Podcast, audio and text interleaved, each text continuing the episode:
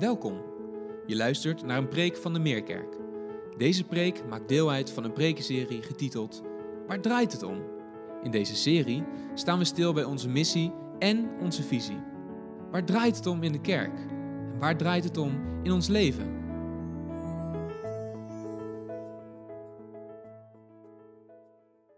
We doen het samen. Dat is het thema van deze overdenking in deze aparte corona-style van dienst. En we gaan daarbij op bezoek bij Paulus, de apostel. Die zit net als wij ook in isolatie, in de gevangenis. En we gaan van Paulus leren, net als we dat vorige week al gedaan hebben, toen Wichelen ons heeft meegenomen naar het gebed van Paulus in Efeze hoofdstuk 3. We gaan dat gebed vanmorgen opnieuw lezen en overdenken. Vorige week heeft Wichelen vooral stilgestaan bij het individuele aspect wat daarin naar voren komt. En vanmorgen zullen we vooral nadenken over het collectieve aspect en vandaar ook het thema samen. Ik spreek daarover vanuit mijn persoonlijke ervaring, uh, zoals het ook moet. Gods woord, dat gaat eerst door mij heen, of wie dan ook hier op zondag voorgaat in de Meerkerk. En zo hoort het ook. Uh, ik preek vanuit mijn ervaring in de zending, wereldwijd, waar mijn vrouw en ik door de jaren heen zo ontzettend veel mensen hebben ontmoet. En dat ik me herinner dat ik zo vaak tegen haar gezegd heb, wat maakt Jezus toch mooie mensen? We doen het samen. Maar ik spreek er ook uit vanuit mijn ervaring van het afgelopen jaar, dat ik na 42 jaar afscheid heb genomen van mijn lieve vrouw. En nu de eenzaamheid in huis heel erg voel. Hoe heb ik dat ervaren en hoe, hoe vind ik dat om daar nu over te spreken? En we gaan daar zo, gaan we dat allemaal horen. Um, het is dus uh, de tweede preek over Efeze hoofdstuk 3, het gebed van Paulus. Voor ons als gelovigen in Jezus geldt dat één en één drie is. Jezus belooft waar twee of drie in mijn naam bij elkaar zijn, daar ben ik in hun midden.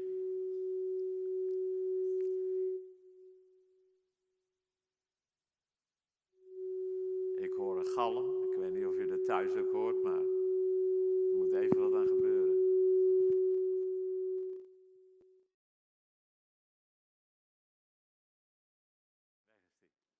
Weg is die. Hoort er allemaal bij. Um, 1 en 1 is 3. Jezus zegt, waar twee of drie in mijn naam vergaderd zijn, bijeen zijn, bij elkaar zijn, daar ben ik zelf in hun midden. Dat is het bijzondere van het samenkomen als gelovigen, wat we nu natuurlijk ontzettend missen, waarvan buitenkerkelijke ongelovigen zeggen, maar joh, dat kan je toch allemaal heel goed digitaal doen, dat is toch geen probleem, livestream, maar wij weten dat dat niet helemaal zo werkt. Je kijkt elkaar in de ogen en dan zie je iets van Jezus. Je hoort elkaar praten en dan, dan hoor je iets van Jezus. Je, je, je, je bent met elkaar, je proeft elkaars karakter en elkaars houding. En dan, dan proef je iets van Jezus. En dat, dat gaat niet allemaal livestream, dat gaat niet allemaal digitaal. Waar twee, één of twee of drie uh, of waar twee of drie bij elkaar zijn, zegt Jezus, daar ben ik in hun midden. Dus één en één is drie. Dat is de achtergrond achter het gebed wat ik nu wil lezen uit Efeze hoofdstuk 3, vers 14 tot 21. In dit gebed bouwt Paulus voort op wat hij eerder in de brief heeft geschreven over Joden en heidenen die door het geloof in Jezus samen zijn gekomen. Wonder boven wonder. En dan schrijft hij in, of dan, dan lezen we dus in de brief het gebed van Paulus in vers 14. Daarom buig ik mijn knieën voor de Vader, die de Vader is van elke gemeenschap in de hemelsferen en op aarde. Mogen Hij vanuit Zijn rijke luister uw innerlijke wezen, dat is individueel voor iedereen, kracht en sterkte schenken door zijn geest. Zodat door uw geloof, dat is individueel, Christus kan gaan wonen in uw hart, dat is individueel, en u geworteld en gegrondvest blijft in de liefde. Dan zult u met alle heiligen, dat is collectief, de lengte en de breedte, de hoogte en de diepte kunnen begrijpen, ja, de liefde van Christus kennen, die alle kennis te boven gaat, opdat u collectief zult volstromen met Gods volkomenheid. Aan Hem die door de kracht die in ons werkt bij machten is om oneindig veel meer te doen dan wij vragen of bedenken, aan Hem komt de eer toe. In de kerk en in Christus Jezus, tot in alle generaties, tot in alle eeuwigheid. Amen. Het is interessant om in dit gebed Paulus zijn hart te horen uitstorten en om dan te zien dat hij bidt in vers 18, dan zult u met alle heiligen de lengte en de breedte, de hoogte en de diepte kunnen begrijpen, ja, de liefde van Christus kennen, die alle kennis te boven gaat. Wij spreken in drie dimensies. Paulus spreekt hier in vier dimensies. Ik vertaal dat maar even zo. Als we het hebben over de liefde van God uitgedrukt in Jezus Christus, in zijn, in zijn lijden, in zijn sterven, de verachtelijke kruisdood. Dat God dat allemaal gedaan heeft voor ons, de liefde van God. Dan zijn er drie dimensies, hoogte, lengte, breedte, maar er is ook de inhoud, de kwaliteit. En dat is als het ware wat Paulus hier zegt. Het is ongelooflijk omvangrijk en het is van een geweldige kwaliteit. Vier, vier dimensies als het ware. En uh, dan zegt hij dat wij om die liefde van God ten volle te kunnen kennen en dat echt ten volle te beseffen, dat kan je niet alleen. Dan heb je anderen nodig en niet alleen anderen, dan heb je uiteindelijk alle heiligen nodig om dat ten volle te beseffen. Alle heiligen. En die heiligen, dat zijn geen heilige boontjes, dat zijn christenen, dat zijn gelovigen. Dat zijn mensen die geheiligd zijn, die niet van zichzelf vroom en goed zijn, maar die door Jezus zijn gewassen en geheiligd zijn en zich daardoor heiligen mogen noemen. Niet om wat zij gepresteerd hebben, maar om wat Hij heeft gepresteerd voor hen. En samen met al die gelovigen, allemaal, zullen we uh, beseffen hoe oneindig groot die liefde van God is. Dat betekent alle christenen van alle tijden. Samen met de, de, de eerste christenen, sommigen van hen die als martelaar gestorven zijn in de arena's met gladiatoren en met wilde dieren. Anderen die zijn verbrand als fakkels in de tuin van, uh, van Nero. Uh, maar ook andere christenen door de eeuwen heen. Samen met alle christenen die nog komen gaan. Samen met al die christenen. En dat zullen we dus pas eigenlijk ten volle kunnen ervaren en beseffen als we straks bij Hem zijn in Gods heerlijkheid, waar we allemaal bij elkaar met Jezus zullen zijn. Dan zullen wij pas echt ten volle kunnen beseffen hoe groot Gods liefde is. En daar heb je elkaar bij nodig, want ik heb mijn verhaal. Maar jij hebt jouw verhaal. Paulus heeft zijn verhaal. Hij was een vervolger van christenen. Hij was een vooraanstaande theoloog in het Jodendom. En hij uh, verleende er zijn medewerking aan toen de allereerste gelovige in Jezus met stenen werd doodgegooid. Hij vond het prachtig. Hij komt tot bekering. En daarmee heeft Paulus zijn verhaal. Petrus, de apostel, die heeft weer zijn verhaal. Die zei vol bravoer toen Jezus sprak over zijn lijden en dat alle zouden hem verlaten. Oh, ik zeker niet. En Jezus kijkt hem aan en zegt, Petrus, voordat morgenochtend de haan drie keer heeft gekraaid, heb jij me drie keer verlogend. En dan gebeurt het zoals Jezus heeft gezegd. En Petrus begint te janken als een kind. De man vol bravoer jankt als een kind. Jezus kijkt hem aan. En later neemt Jezus deze Petrus weer in de armen.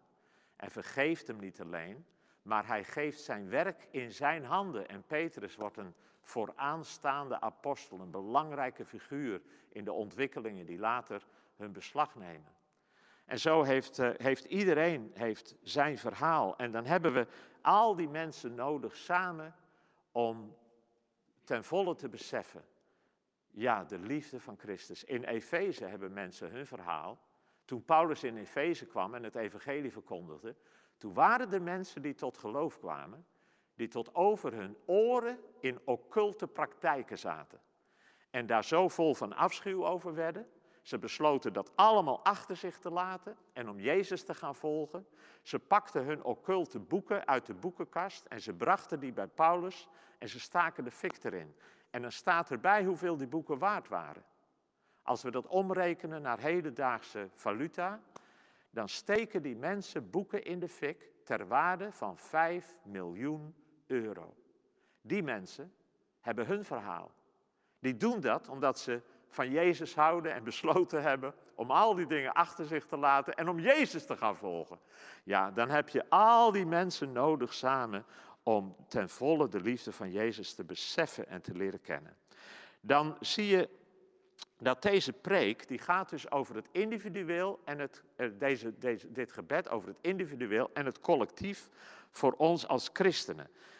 Deze preek die past daarmee ook naadloos bij de vorige keer dat ik hier was. Ik denk in augustus, toen ik preekte over uh, eh, 1 Petrus, waar staat laat, hè, als je de goedheid van God hebt ervaren, laat je dan als een levende steen gebruiken voor de bouw van een geestelijke tempel.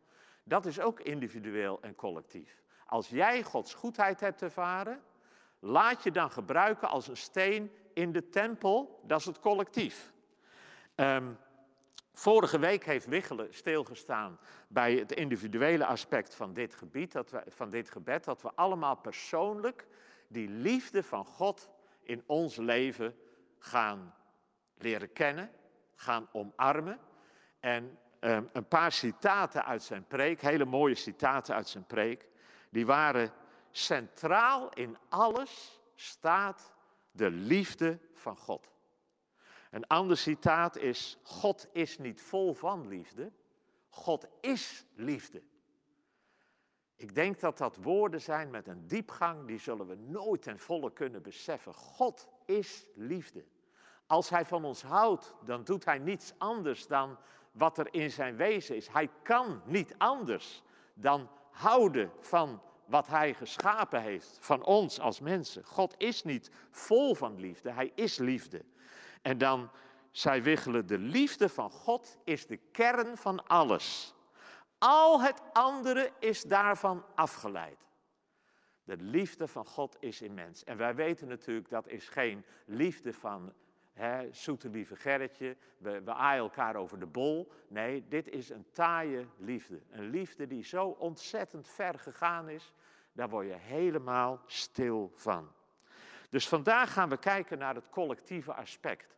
En dat collectief, dat vind je eigenlijk heel veel in het Nieuwe Testament. Als je alleen al kijkt naar de brieven, dan zie je dat heel veel van die brieven, die zijn niet aan mensen geschreven, individuele mensen, maar die zijn geschreven aan gemeenten. Zo ook deze brief in Efeze. Die is niet aan één iemand geschreven, die is aan een groep van christenen geschreven. Er is zelfs iets voor te zeggen om te denken, het is een brief die is tijdloos voor alle kerken in alle tijden, want er zijn oude documenten van de Efezebrief, daar staat in het begin, als Paulus schrijft van Paulus, door Gods wil apostel van Christus Jezus, aan de heiligen. En dan staat er bij ons in Efeze.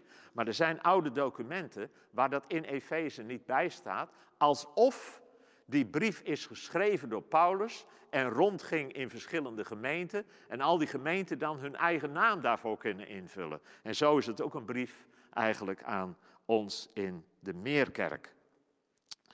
De Meerkerkmissie, die luidt, we zijn een gemeenschap van mensen die geraakt zijn door de liefde van Jezus Christus.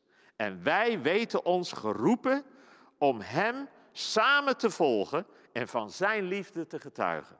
We zijn een gemeenschap en we volgen Hem samen. En dat is waar we vanmorgen bij stilstaan. Ik zei al, we gaan op bezoek bij Paulus. Paulus schrijft de brief Paulus bidt dit gebed, maar als dat allemaal gebeurt, zit Paulus zelf in isolatie. Hij zit opgesloten in de cel, waarschijnlijk in Rome. En uh, als Paulus daar zit en dat, dat, dat hij gevangen zit, dat vind je op allerlei plaatsen, hoofdstuk 3, vers 1. Daarom is het dat ik, Paulus, gevangene omwille van Christus Jezus voor u heidenen, enzovoort. En je vindt het op verschillende plaatsen in de brief referenties aan het feit dat Paulus schrijft vanuit de cel. En dan is het interessant, want als we dan kijken naar Paulus, dan zien we dat Paulus die zit niet te miseren en bij de pakken neer. Nee, Paulus bidt. En uh, Paulus zit niet alleen maar te klagen over zijn eigen omstandigheden. Nee, Paulus bidt voor anderen. Uh, Paulus uh, schrijft een brief om anderen te bemoedigen en te helpen en richting te geven in het geloof. Aan het einde van het brief, daar staat dat hij iemand naar hun toestuurt. Dus er is iemand bij Paulus in de buurt geweest in de cel. En Paulus heeft gezegd: Joh, ga jij weg uit Rome en ga naar hun toe en breng ze deze boodschap. Uh, Paulus die uh, vraagt uh, in de brief aan Timotheus, vraagt hij, breng alsjeblieft boeken mee, want dan, ik, ik wil studeren. Dus Paulus studeert, Paulus bidt, Paulus schrijft, Paulus stuurt mensen op pad. En daar kunnen we ontzettend veel van leren. En dat gaan we ook doen vanmorgen. Want weet je, in deze coronatijd wordt er van alles van ons weggenomen. En het is als het van je wordt weggenomen, dat je beseft hoeveel dat ook betekend heeft wat je voorheen wel had. Denk aan vrijheid. Ik denk dat wij, ik ben na de oorlog geboren en uh, de meeste van ons zijn na de oorlog geboren. We hebben de Tweede Wereldoorlog nooit echt meegemaakt.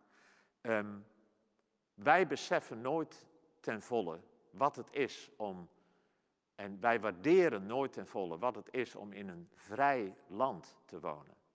Mensen die de oorlog wel hebben meegemaakt. Mensen die hebben ondergedoken gezeten. Mensen die familie naar de kampen hebben zien afgevoerd.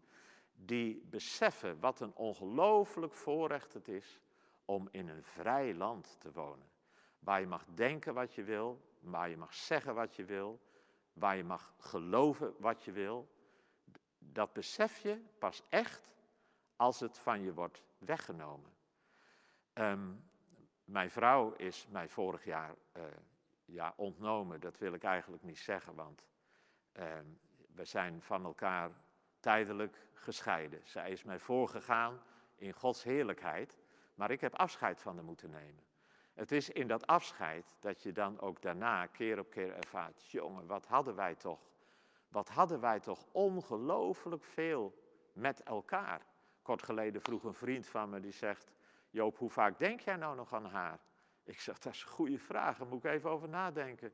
Maar na een tijdje zeg ik, hoe vaak denk ik nog aan haar? Als ik niks aan mijn hoofd heb, elke tien minuten. Elke tien minuten, want ons leven was volkomen verstrengeld met elkaar. En dat besef je op het moment dat het uit elkaar gehaald wordt. Gezondheid. Wanneer ervaar je uh, oprechte, diepe dankbaarheid voor je gezondheid? Wel, Vooral als je een tijd van erge ziekte hebt gehad en je gaat weer beter worden, dan besef je wat een voorrecht het is om gezond te zijn. Om een lijf te hebben waar alles op en aan goed functioneert, probleemloos functioneert. Nou, zo kun je doorgaan.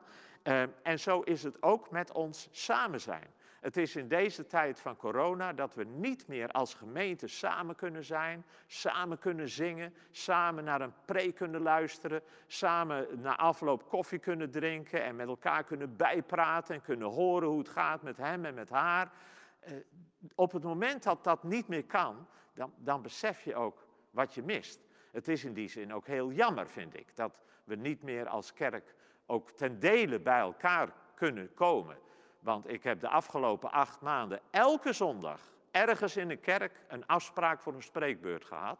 En ik kan u zeggen, in geen enkele kerk heb ik meegemaakt dat mensen zich niet hartstochtelijk aan de regels hebben gehouden. Ook hier in de Meerkerk. En dat het dan, dan toch niet kan. Ja, het is niet anders. Het is wel jammer. Ik heb ook ervaren dat daar waar het weer een beetje kon en mensen weer wat bij elkaar konden komen, dat mensen daar ook ontzettend van genoten. Maar je ervaart wat het was, juist nu het mist. Um, Paulus bad vanuit de gevangenis. En dat is iets dat kunnen wij ook doen. En voor biddende mensen staat er ook een pareltje in dit gebed. En dat pareltje, dat is vers 20. Waar Paulus spreekt over God en dan zegt hij aan hem, die door de kracht die in ons werkt, bij machten is om oneindig veel meer te doen dan wij vragen of denken. Als wij bidden, dan mogen we weten dat we spreken met een levende God, die niet alleen kan doen wat wij bidden, die niet alleen meer kan doen dan wij bidden, die niet alleen veel meer kan doen dan wij bidden, maar die oneindig veel meer kan doen dan wij bidden, of staat er bedenken, hè, dan wat wij zelf kunnen bedenken. God kan oneindig veel meer doen dan wij bidden of bedenken. Nou, daar, daar zijn heel veel voorbeelden van. En hier in de Meerkerk, ik denk dat toen, toen Wichelen uh, ooit begon met een paar mensen om een Bijbelkring te beginnen. En ze samen baden dat, dat ze daarin ook tot, tot zegen zouden mogen zijn voor veel meer mensen. Ja, toen was er geen uh, idee dat dat ooit zou uitgroeien tot wat wij vandaag hebben in, in de Meerkerk. Um, als ik denk aan het werk waar ik mijn leven lang in gewerkt heb van operatie mobilisatie, dan um, begint dat allemaal met mevrouw Klap. Een vrouw in Amerika die begint te bidden in de tijden van de Tweede Wereldoorlog, dat Amerika jonge mannen en vrouwen stuurt naar Europa om de nazi's te bevechten en stuurt naar Azië om de Japanners te bevechten, dat zij begint te bidden, Heere God, stuurt u jongens en meisjes uit Amerika de wereld in, niet om anderen te doden, maar om het evangelie te verkondigen. Alsjeblieft, please, please, please. Daar begint ze mee te bidden tijdens de Tweede Wereldoorlog. Als de oorlog voorbij is, stopt ze niet. Ze gaat door 15 jaren lang, totdat in 1956, geloof ik, de jonge George Farrer, 16 jaar oud, in een Billy Graham-campagne, nadat hij van mevrouw Klap een exemplaar van het Johannesevangelie had gekregen, radicaal tot bekering komt en later de oprichter wordt van het werk van operatie mobilisatie, wat nu actief is in 100 landen in de hele wereld, wat een inspiratie is geweest voor allerlei mensen om allerlei dingen te gaan doen. Er zijn meer dan 100 zendingsorganisaties voortgekomen uit de initiatieven van OM wereldwijd. Dus gigantisch wat eruit is voortgekomen. Dan denk ik, ja, mevrouw Klap, u hebt ervaren wat er staat in vers 20. Aan God die door de kracht die in ons werkt bij machten is om oneindig veel meer te doen dan wij vragen of bedenken. Aan Hem komt de eer toe. Ja, Paulus zit in de cel en hij bidt. En hij schrijft en hij stuurt anderen. En hij vraagt boeken omdat hij wil studeren en zichzelf wil verdiepen. Weet je, in deze coronatijd geldt ook voor ons dat wij samen met alle heiligen zullen beseffen hoe groot de liefde van God is. We doen het samen met God in de eerste plaats. Paulus zegt, ik buig mijn knieën voor de Vader. We doen het samen met God. Paulus in de cel is niet alleen. God is bij hem. Zoals in Psalm 23 David schrijft, al gaat mijn weg door een donker dal, u bent bij mij.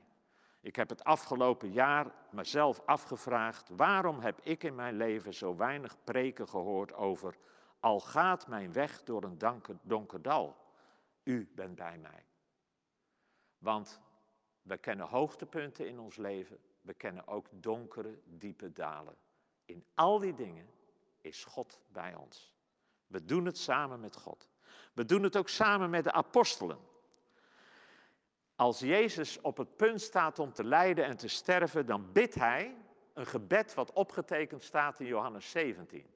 En daar stort hij zijn hart uit voor de apostelen. En dan bidt hij dat, dat God, dat, dat, dat de Vader hen zal bewaren. Dat hij ze ook in eenheid zal bewaren.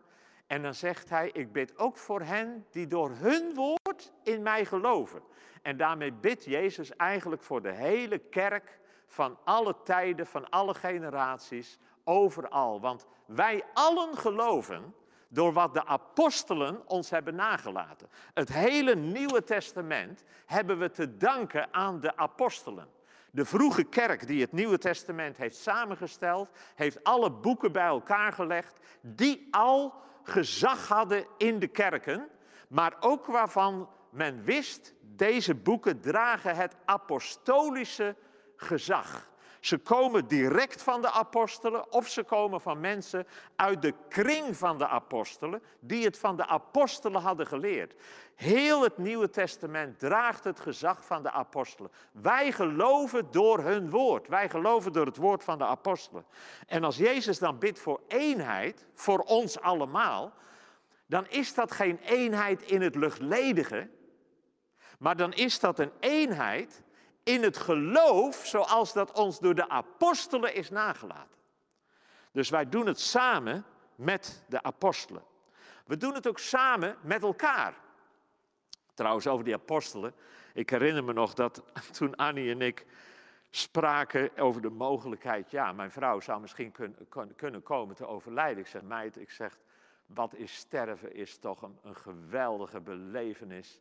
Dan ga je Gods heerlijkheid in. En dan ga je de apostelen ontmoeten. De apostelen. Wat bijzonder om straks ze allemaal een hand te kunnen geven. En met ze te kunnen praten. En van hun hun verhaal te kunnen horen. We doen het ook samen met elkaar.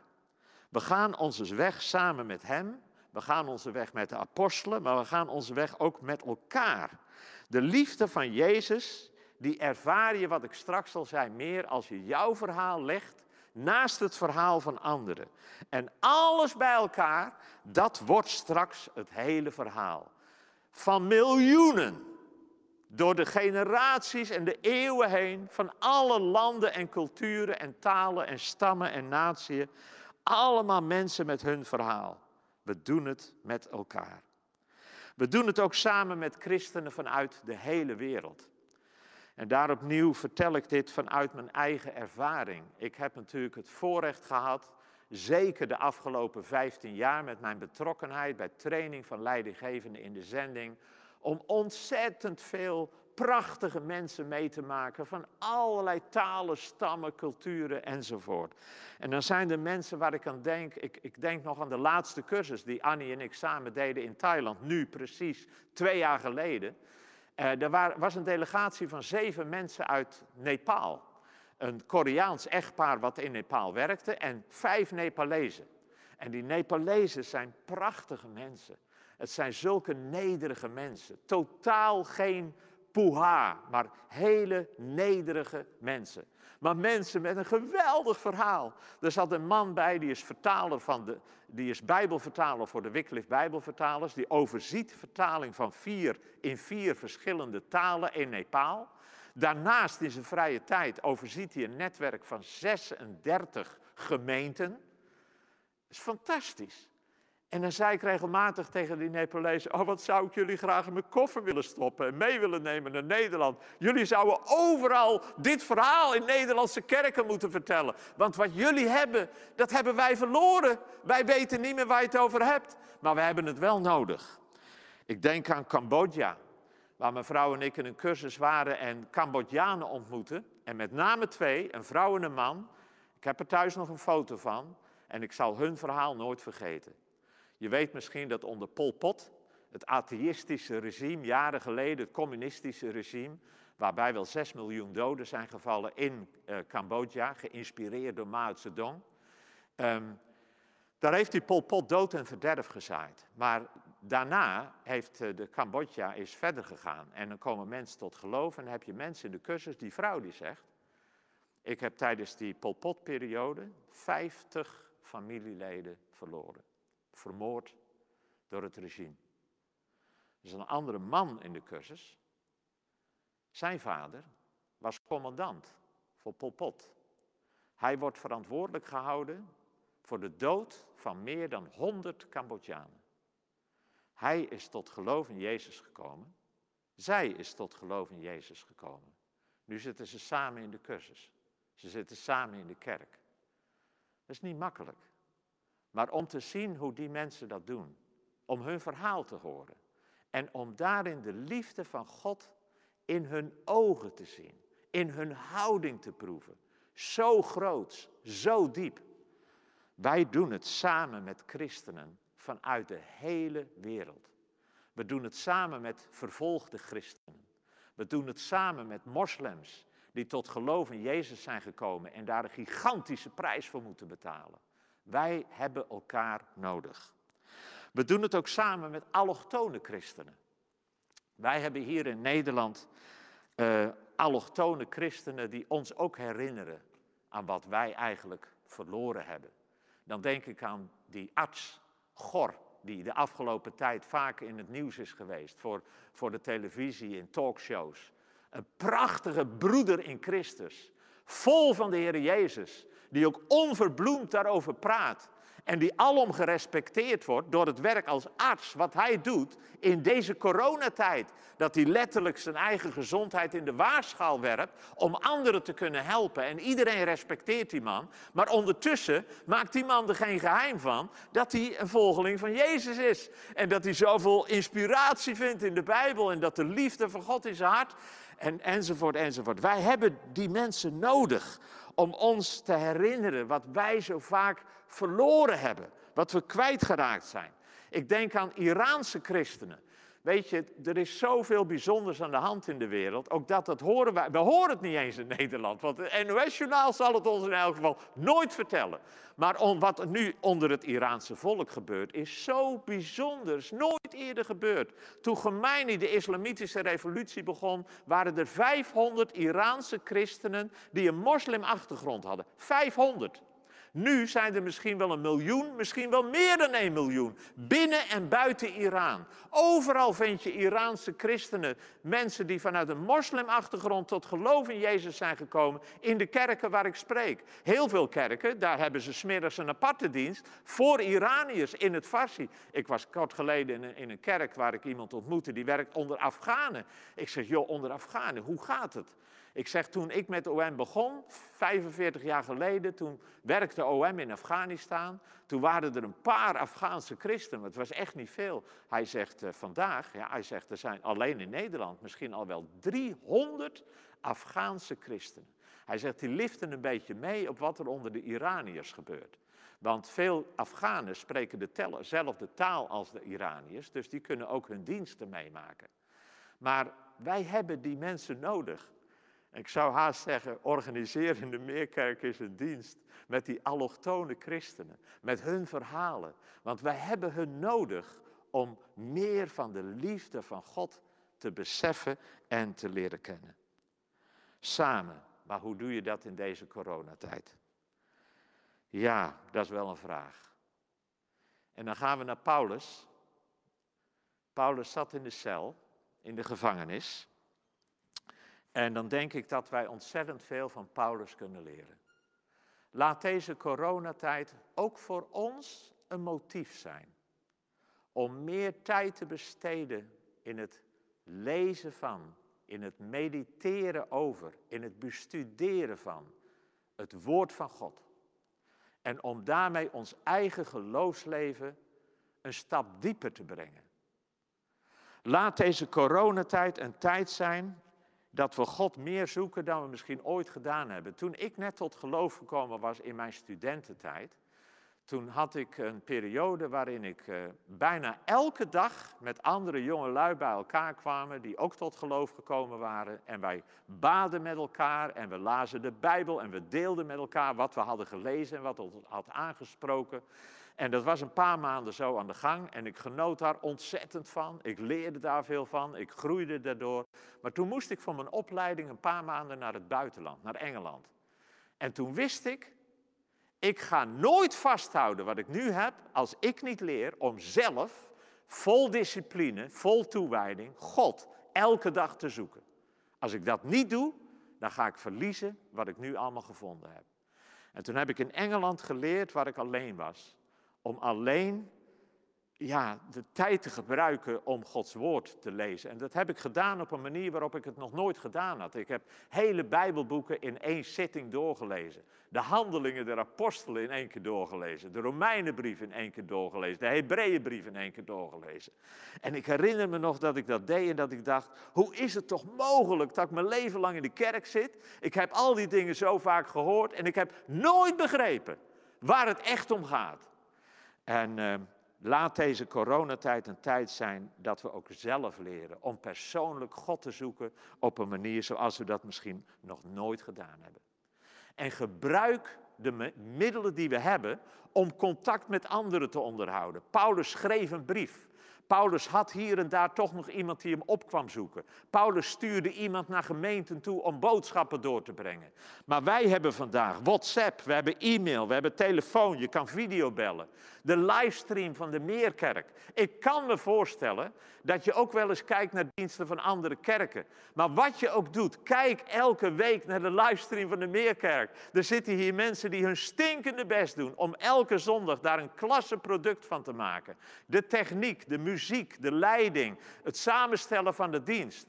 En het is, het is ontzettend jammer als je daar niet elke zondag gebruik van maakt. Nou zeg ik dit natuurlijk tegen het verkeerde publiek, want jij zit al te kijken. Maar als je nou contact hebt met andere meerkerkers, vraag dan eens van joh, kijk je wel naar de livestream en moedig elkaar aan om dat te doen. Want dat is in ieder geval iets wat we kunnen doen om het contact met elkaar, het samen te blijven ervaren.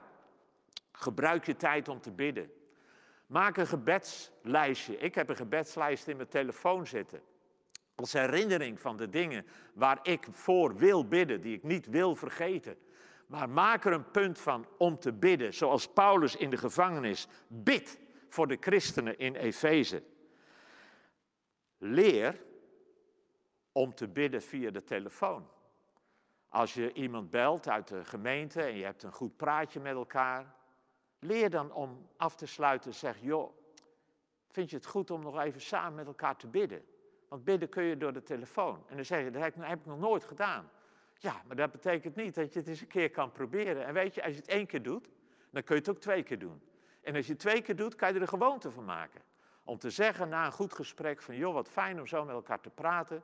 Zullen we samen nog even bidden en danken. En dan kun je ook door de telefoon, kun je met elkaar die, dat samen beleven. Ten slotte, de vijandelijke strategie, die is verdeel en heers. Laat dat niet met jou gebeuren. Ik heb ooit hier gepreekt over de geestelijke wapenrusting.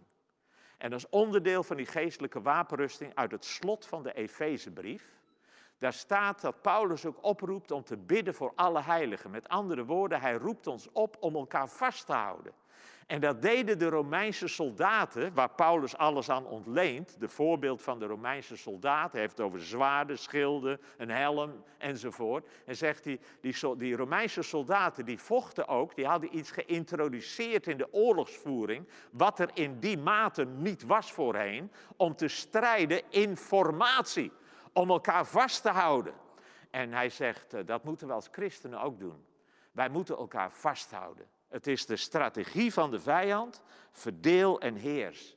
Het is interessant om te zien dat dwaalleringen vaak voortkomen uit isolatie. Ik heb hier ooit eens gezegd dat er in Amerika christenen waren die deden aan gravesucking. Die gingen op graven liggen om de geest van overleden christenen van naam in te zuigen, om voller te worden van geest en kracht. Occulte praktijk. En dan denk je, waar komt dat in vredesnaam vandaan?